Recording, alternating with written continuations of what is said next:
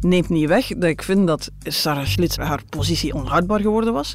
Zij ging niks meer kunnen doen. Dat zou Ecolo blijven achtervolgen hebben. En het was de zoveelste degradatie van wat eigenlijk een beetje de, de, de normen van politiek fatsoen in de wedstrijd zouden moeten zijn. Laten we het eens over politiek hebben, want ik zit weer met een pak vragen. Gelukkig kan ik die kwijt op de redactie van het Nieuwsblad in Antwerpen. Ik loop er langs bij hoofdredacteur Liesbeth van Impe. Dag Liesbeth. Dag Jeroen. En bij politiek redacteur Arnoud Gijsels. Dag Arnoud. Dag Jeroen. Ik ben Jeroen Roppe. Dit is de politieke podcast van het Nieuwsblad, het punt van Van Impe.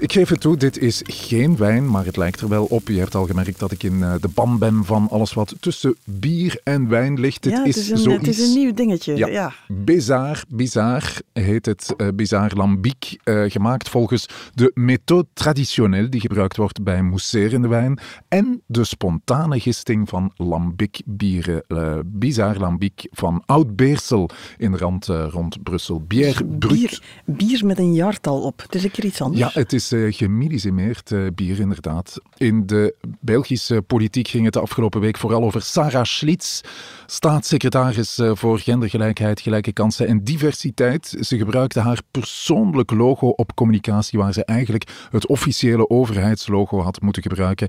En daar communiceerde ze dan ook nog eens bijzonder onhandig over. Arnoud, ze is uiteindelijk opgestapt. Goeie zaak, vind je? Ik denk dat haar positie totaal onhoudbaar geworden was. Het was het enige wat ze nog kon doen.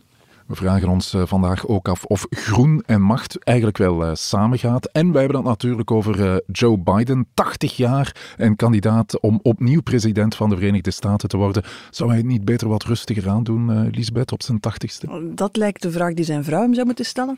Um, de vraag is, ja, kan hij het nog halen? Hè? In welke mate is zijn leeftijd en het feit dat je het er ook wel aan ziet dat hij die leeftijd heeft. Als ja. hij spreekt is soms wat verward, noem maar op. Ja, is dat een, een goed idee, hè? wetende dat daar um, toch wel weer een spannende kiesstrijd zit aan te komen tussen mensen die allemaal geen 16 jaar meer zijn. Drie onderwerpen, drie punten en iets bizar. We zijn vertrokken voor een nieuw punt van Van Impe. Je voudrais annoncer, avant toute chose, qu'en sortant de ce studio, j'irai présenter ma démission au Premier ministre. J'ai commis une erreur, pour laquelle je me suis excusé et je reconnais avoir commis cette erreur. Et je tiens encore une fois à présenter mes excuses pour toutes les personnes que ça a pu choquer. Mais aujourd'hui, la polémique a pris une ampleur qui est vraiment délétère pour le climat euh, politique. Staatssecretaris Schlitz bij La Première op de RTBF. Uh, dat moet ook een primeur zijn, denk ik. Hè? Iemand die ontslag neemt in een radiostudio, Lisbeth ooit uh, meegemaakt? Ik ben aan het denken. Ik kan het mij niet herinneren. Het is vaak persconferenties, het is vaak... Ja, nee, inderdaad. Uh, live op de radio, s morgens als iedereen nog zo de slaap uit zijn ogen aan het wrijven is. Daar kan ik inderdaad niet veel precedenten van verzinnen. Ja, het was allemaal wat veel uh, geworden, hè, Arnoud. Ze had haar excuses aangeboden in het parlement nadat ze haar persoonlijk logo gebruikte voor projecten waar ze eigenlijk het officiële logo had uh, moeten gebruiken. Dat was niet de bedoeling, zei ze, maar blijkt dat ze wel degelijk de opdracht gegeven had om dat logo te gebruiken. Kwam daar ook nog eens bij dat een medewerker van Schlitz op uh, social media de partij NVA vergeleek met het nazi-regime. En Schlitz ook nog eens dankjewel zei voor die post. Als je dit allemaal hoort, uh, was een ontslag onvermijdelijk? Ik denk het wel. Hè. Die uh, had haar positie zodanig zichzelf in een zodanig moeilijke positie uh, gemanoeuvreerd dat je er niet meer uit geraakt. Oké, okay, ja. je kunt dan zeggen van... Had ze gewoon op het eerste moment gezegd van... Kijk, het is een fout gelopen. Het is fout gelopen, dat dat niet mogen gebeuren. We zullen dat allemaal rechtzetten. Maar nee, eerst zegt ze van... Ik heb dat niet gedaan. Dan blijkt, ja. ze heeft het wel gedaan.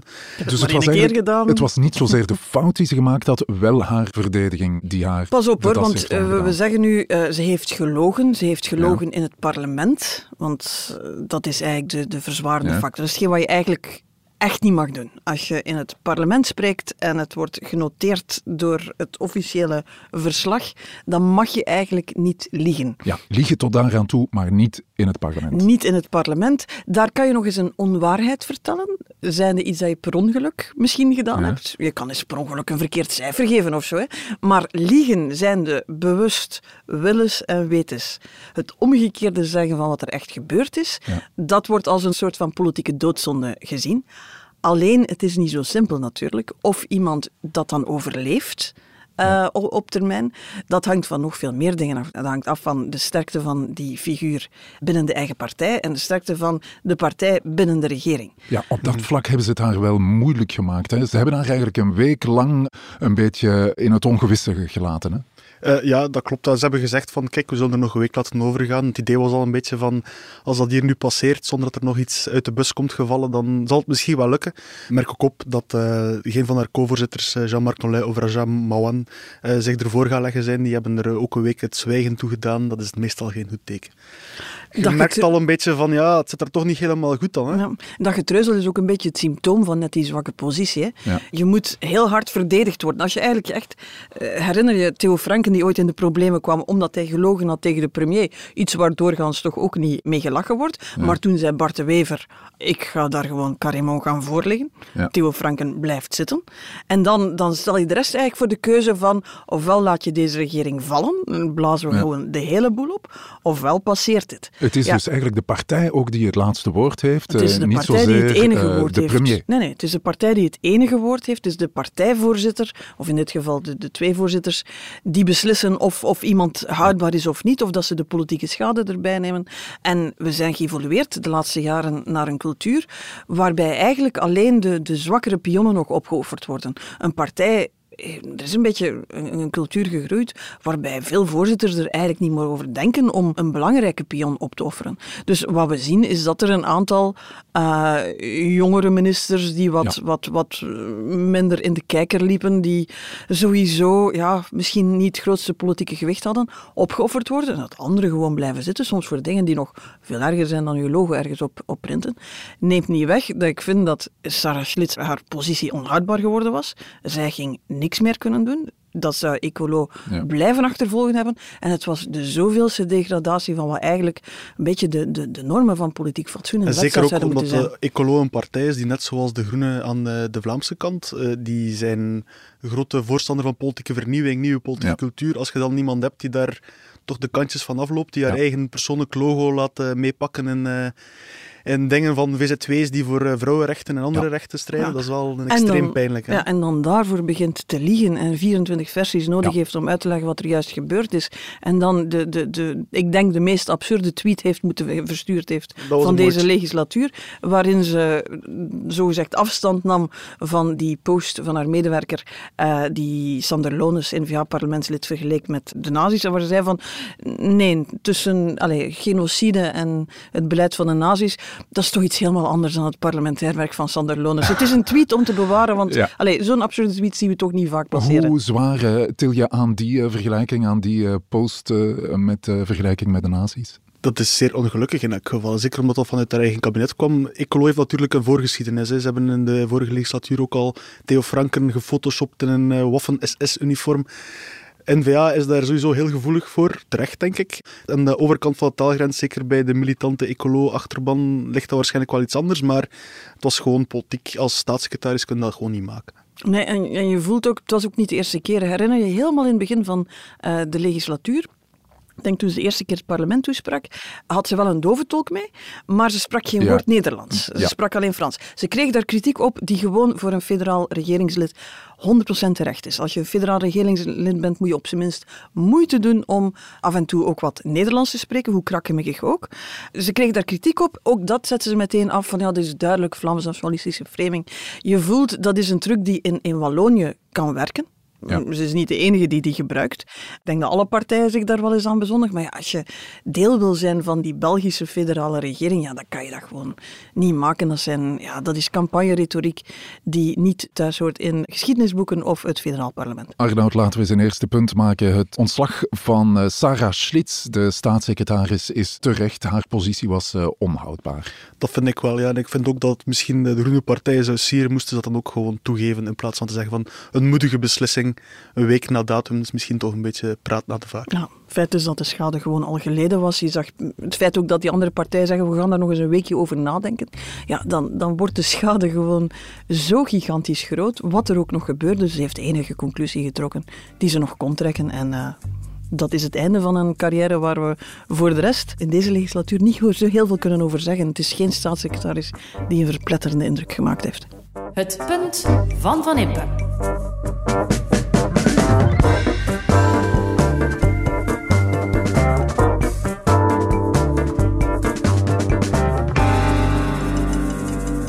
Moeten wij ieder moment van de dag ook maar kijken naar op welke manier kunnen we het meest likes de positie innemen die het populairst is? Of verwachten we mensen van ons, dat is alvast de overtuiging waarmee ik ooit in de politiek ben gestapt, verwachten mensen van ons dat we op het einde van de dag vooral beleid afleveren die onze toekomst garandeert? Jeremy van Eekhout is een van de twee voorzitters van Groen. De partij doet het niet goed in de peilingen, maar Van Eekhout zegt dat hij niet zozeer met opiniepeilingen bezig is, wel met beleid. Maar dat is niet altijd even gemakkelijk. We hadden het daarnet al eh, over Sarah Schlitz van Ecolo. Ja, Ecolo en Groen, ze hebben het eh, ook in andere dossiers moeilijk. Hè? Dit, uh, dit begint een beetje potentieel een, een, soort van rampweek te worden. Hè? Dus Sarah Schlitz, die daar dus een weekje heeft hangen wapperen in de wind, die dan toch ontslag neemt, dat is, dat is geen mooi Zeer beeld. schadelijk, ja. Maar dit is ook de week waarin de federale regering heel vurig hoopt dat ze kan landen in onderhandelingen met Engie. Ja, want daar zitten we in de laatste rechte lijn van die onderhandelingen. Dat is toch in elk geval de hoop. We zijn, ja. we zijn ja. nog in de laatste rechte lijn geweest, die kan soms heel lang duren. Ja, maar je voelt daar ook wel, je zit daar, daar is ook geen goede kant aan. Hè. Als er een deal komt, dan is dat het moment dat Groen definitief afscheid neemt van de kernuitstap als grote trofee van deze legislatuur. Dat hebben ze bijna letterlijk in interviews gezegd, dat datgene was waarmee ze naar de kiezer wilden gaan. Als er deal komt met Engie, dan worden die kerncentrales verlengd. Uh, komt er geen deal, dan zit je daar met een bevoegd minister die door de helft van... Uh, allez, de meer opportunistische helft van de regering al wel eens van halve sabotage beschuldigd wordt in dat ja. dossier. Ja, en dan krijg je als voogdijminister ja, dat op je bord, dat je zo'n cruciaal dossier dat over de energiezekerheid en de economische zekerheid in dit land gaat, dat je dat dus niet tot een goed einde kan ja, brengen. Dus, dus, in dit dossier valt er absoluut niks te raken en dat is... voor uh, Groen, integendeel. En dat is dan het dossier waarvan ze zeiden van oké, okay, dat is echt duidelijk groen, hier kunnen we op scoren. Kijk dan naar de andere dossiers. Petra de Zutter hebben we altijd gezegd van ja, een beetje ongelukkig dat je daar overheidsbedrijven en zo Bipost en dat soort dingen ja, hebt. zij is de bevoegde minister voor ja. uh, Bipost. We zeiden een beetje naïef in het begin van de legislatuur van ja, dat is een bevoegdheid waarmee dat je toch niet vaak het nieuws haalt. Intussen weet Petra de Zutter dat je heel vaak het nieuws kan halen met Bipost. Helaas met uh, een opeenstapeling van shitdossiers waarbij wanbeheer blijkt, historisch wanbeheer beheer, verschillende ministers bij betrokken. Ja, blijkt dat maar de overheid uh, te veel geld aan Bipost Te veel uh, geld, het krantencontract, noem maar op. Daar, audit, uh, Petra de Zutter, denk ik, één op de twee zinnen die ze intussen uitspreekt, is van we gaan toch nog een audit moeten bestellen. Um, ja, dus ook dat, dat wordt een dossier waarbij je ook niet de indruk krijgt dat ze daar in controle is. Ze loopt daar een beetje achter de feiten aan. Het zou misschien iedereen overkomen, maar goed, ook daarmee kom je dus niet goed in het nieuws. Ja, je Dan merkt ook op andere niveaus, in Brussel bijvoorbeeld, dat uh, Groen geïsoleerd raken in verschillende dossiers. Er is ook het uh, dossier van politieke vernieuwing, waar uh, Groen graag mee scoort, maar dat uh, lukt ook moeilijk, ja, Arno? Ja, als je de afgelopen weken bekijkt, kun je alleen maar vaststellen dat het vooral PvdA geweest is die gescoord heeft op bijvoorbeeld de pensioendiscussies in de Kamer. Dat was altijd Raoul Hedebouw die daar stond te zwaaien en dan zo zijn beweging maakte van in de pocket, in de pocket, terwijl Christophe Calvo, ja, die komt dan achteraf af met zo meer de theoretische bespiegelingen van ja, het zou toch allemaal zo niet mogen en het kan toch beter. Ja, ook daar moet je zeggen van ja, daar laten ze een beetje kaas van het brood eten. En dan krijgt Christophe Calvo nog wat ambetante vragen dat hij daar allemaal in Nederland over heeft zitten nadenken, terwijl ja. Jos Daas en Raoul Hedebouw gewoon in de twee parlementen aan het scoren zijn ja. met dat thema van politieke vernieuwing. Is het weer van dat, moeten we alweer tot de vaststelling komen dat macht en groen, dat dat niet goed samengaat? Of dat uh, ja, groen dat altijd cash betaalt? Ze hebben het in elk geval zeer moeilijk. Hè. Groen is een partij die plat gaat op politieke vernieuwing, maar je moet wel opletten als politieke vernieuwing niet plotseling uh, een soort uh, viering van het amateurisme wordt. Hè. Ja. Je, je, moet toch ook Of ergens... de naïviteit. Of de naïviteit. Je moet ergens een beetje zorgen dat je uh, wel het juiste personeel hebt, dat je wel de sterke kabinetten hebt. En dat is soms een beetje een probleem. Voor is dat het probleem, uh, Lisbeth? Is het een kwestie van naïviteit, een, een, een, naïeve ingesteldheid om aan politiek te doen? Pas op, ik heb ooit gezegd van de Groenen weigeren bijna om aan politiek te doen. we hebben al zo zeggen van ik lig niet wakker van de opiniepeilingen ik snap wat je daarmee wil zeggen. Aan de andere kant, uh, ik, op een bepaald moment, de ministers zeiden ook van, wij liggen niet wakker van de popol. Maar ja, je bent het gezicht van de partij. Ja. Je, je, bent degene waar de partij hoopt op te cashen bij de volgende verkiezingen. Net met dat goed beleid natuurlijk. Ja. Maar goed, de gezichten zijn ook van belang. Je kan de politieke realiteit vandaag niet ontkennen. Dus ja, je moet aan politiek durven doen. En politiek is omgaan met macht, je zaken afdwingen, ja. uh, omgaan met de veranderende omstandigheden. Wat ook, hey, waar, waar zowel voor unieke uitdagingen gestaan hebben. Hij is al maar twintig jaar pleiten voor een kernuitstap.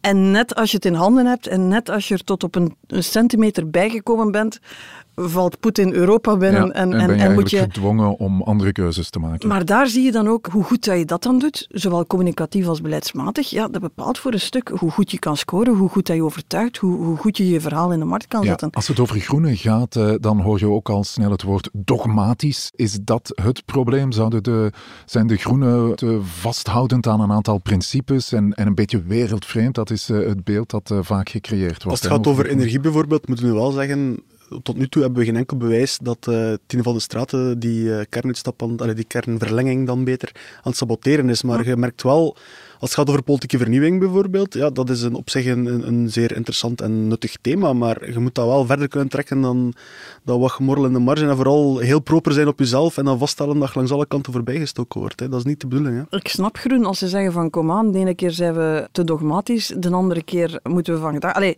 ja, ik snap de frustratie goed, bij. Groen, hè, maar de, de communicatie wordt dan zeer defensief. Je moet vooral niet blijven herhalen dat iedereen je dogmatisch vindt, want dan bevestig je nog eens dat iedereen Ja. je dogmatisch vindt. En je ziet, pas op, je ziet pogingen. Hè. We gaan richting een congres, geloof ik. Er worden daar een aantal lijnen uitgezet waar gezegd wordt van we gaan die, die groene klimaatkant, maar ook de sociale kant. Want iedereen weet dat de associatie ook is dat de groen voor de beter gegoede burgerij is, die het zich allemaal kan Ja, heb je permitteren. poen, stem dan groen. Voilà, dus, het sociaal, dus ze proberen daar een antwoord op te geven. Ze zeggen ook van ja, we moeten zorgen dat we niet de hele tijd met het vingertje zitten van uh, ja, jij bent een stukje vlees aan het eten, jij bent het klimaat naar de knoppen aan het helpen. Ja. Dus ze willen weg van die persoonlijke, Ze individuele eh, verantwoordelijkheid. communiceren. En ze willen meer de, de, de, de gemeenschap responsabiliseren voor het nemen van de juiste beslissingen. Ja, ze houden dus binnenkort hun eh, Welke richting moeten ze uit, vind je? Ik denk dat ze het zelf niet goed weten. Hè. Björn Joska heeft gezegd, ja, die kijkt zo meer naar de, de realistische, Ja, dat was de fractieleider in het Vlaams parlement die ermee stopt. Inderdaad, omdat hij zich dan ook wel heel strikt aan de regels houdt dat je maar eh, twee legislaturen in het parlement mag zitten. Maar die zegt van we moeten meer naar de, de, de Europese voorbeelden kijken waar dat wel goed werkt, zegt hij. Duitsland, Finland. In Duitsland zitten de Groenen ook in eh, de meerderheid. Ja. Ja. en daar hebben ze meer een traditie van wat pragmatischer te zijn. En dat is misschien iets... Maar ja, goed, ze zitten daar natuurlijk met een achterban die daar niet helemaal wil meegaan, waarschijnlijk. Dat is een moeilijke oefening, denk ik. Eh, het is een, ja, als, als, als hij in uw wachtkamer zit, is het een heel lastige patiënt om raad aan te geven. Wat daar eigenlijk zou moeten in de hoofden gebeiteld staan, het is niet omdat je overloopt van goede wil, goede intenties en denkt dat je de wereld aan het redden bent, dat dat ook hetzelfde is als een, een succesvol politiek project dat mensen overtuigt. En eh, ze moeten op zoek naar de recepten die meer mensen, een breder publiek weten te overtuigen. Dat is een duidelijk tweede punt. Het punt van Van Impe.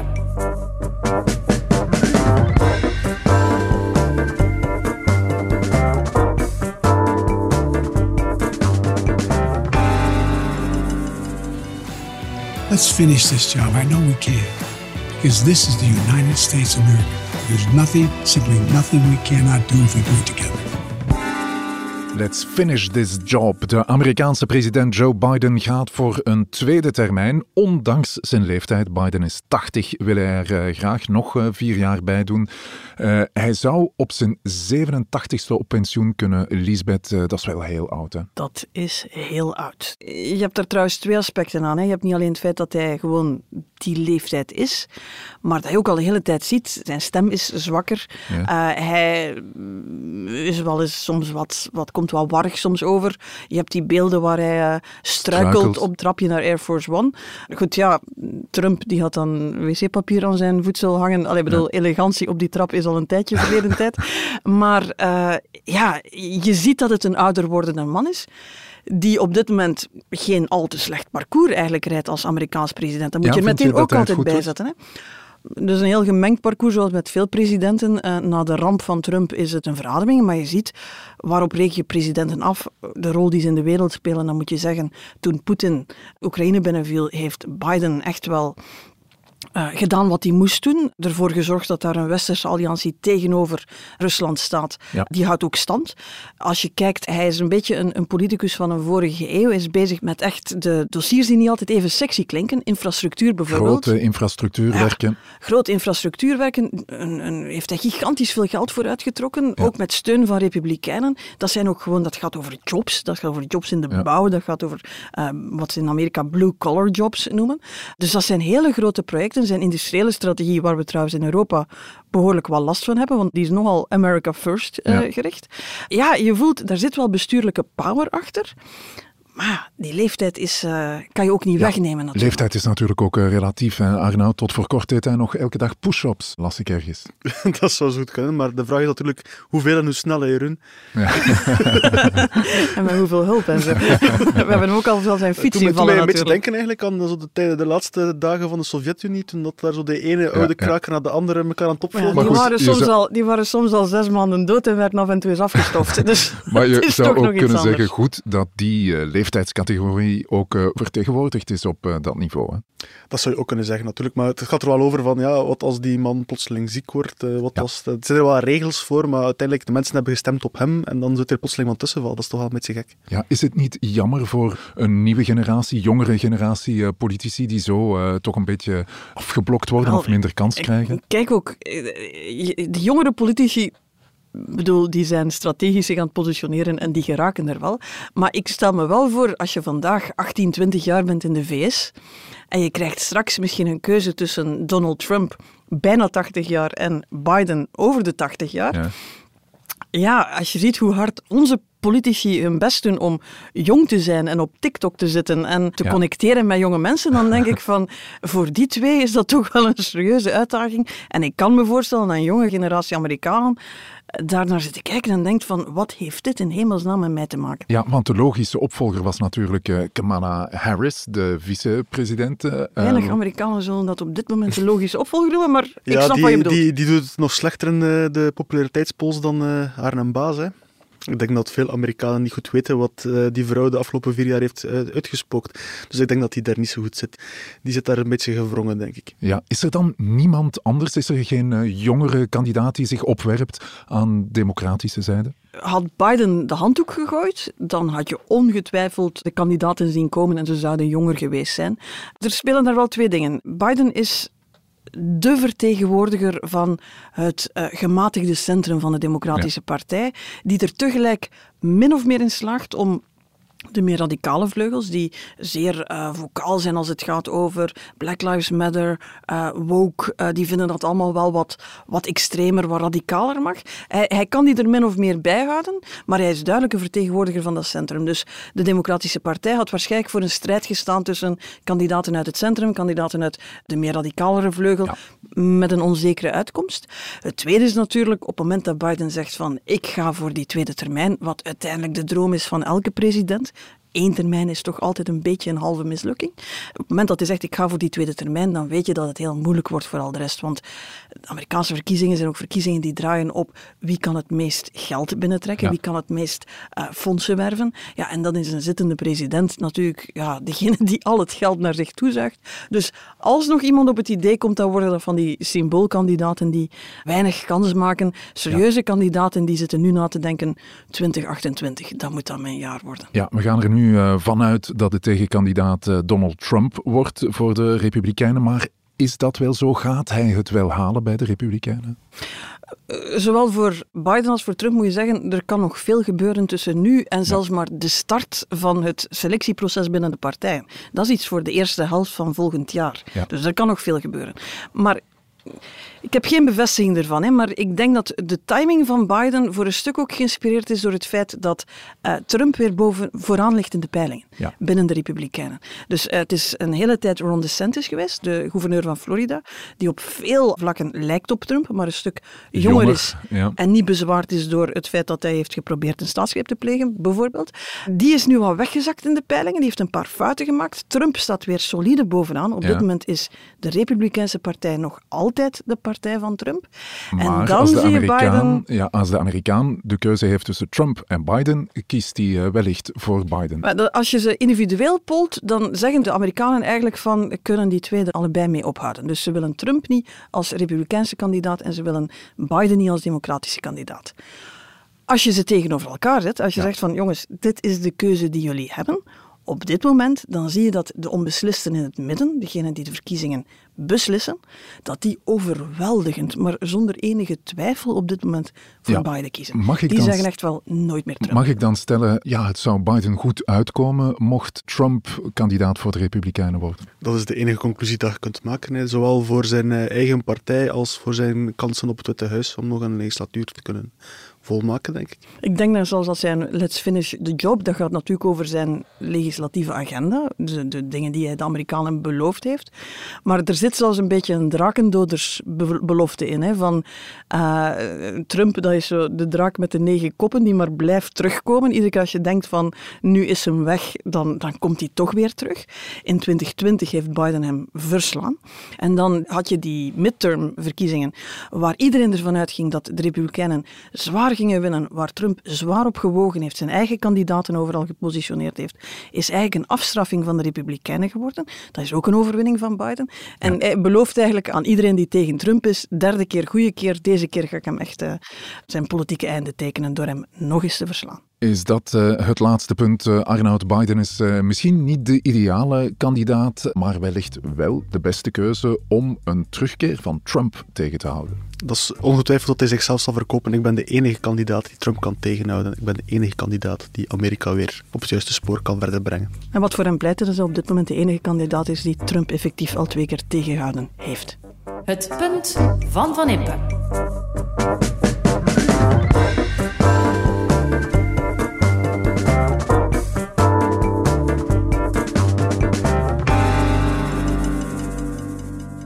Oké, de punten zijn gemaakt. De Bézard die eh, krijgen we nog wel uit, denk ik, hè? want hij is eh, lekker. Hè? Dat is lekker, absoluut. Uitstekend eh, bier uit Beersel, van oud Beersel, wijnbier, zeg maar, of champagnebier. Zo, de punten zitten erop. Bedankt daarvoor, Lisbeth Arnoud. Heb je zelf nog goede podcast-ideeën? Hou je dan zeker niet in, want de grote podcasting, die loopt nog altijd. Als je naar deze podcast hebt zitten luisteren en denkt van, dat kan ik beter. Ja. Of ik kan een relevanter podcast maken. Of ik kan de podcast maken waar echt iedereen wil naar luisteren. Dan moet je vooral je kandidatuur insturen. In onze app vind je, en, en op de site vind je alle informatie. De grote podcasting, we gaan jong talent en jong, we hebben het al gezegd vandaag in deze uitzendingen. dat relatief. Is, relatief. Ehm, als Joe Biden een wil komen maken, dan willen we dat ook in overweging nemen.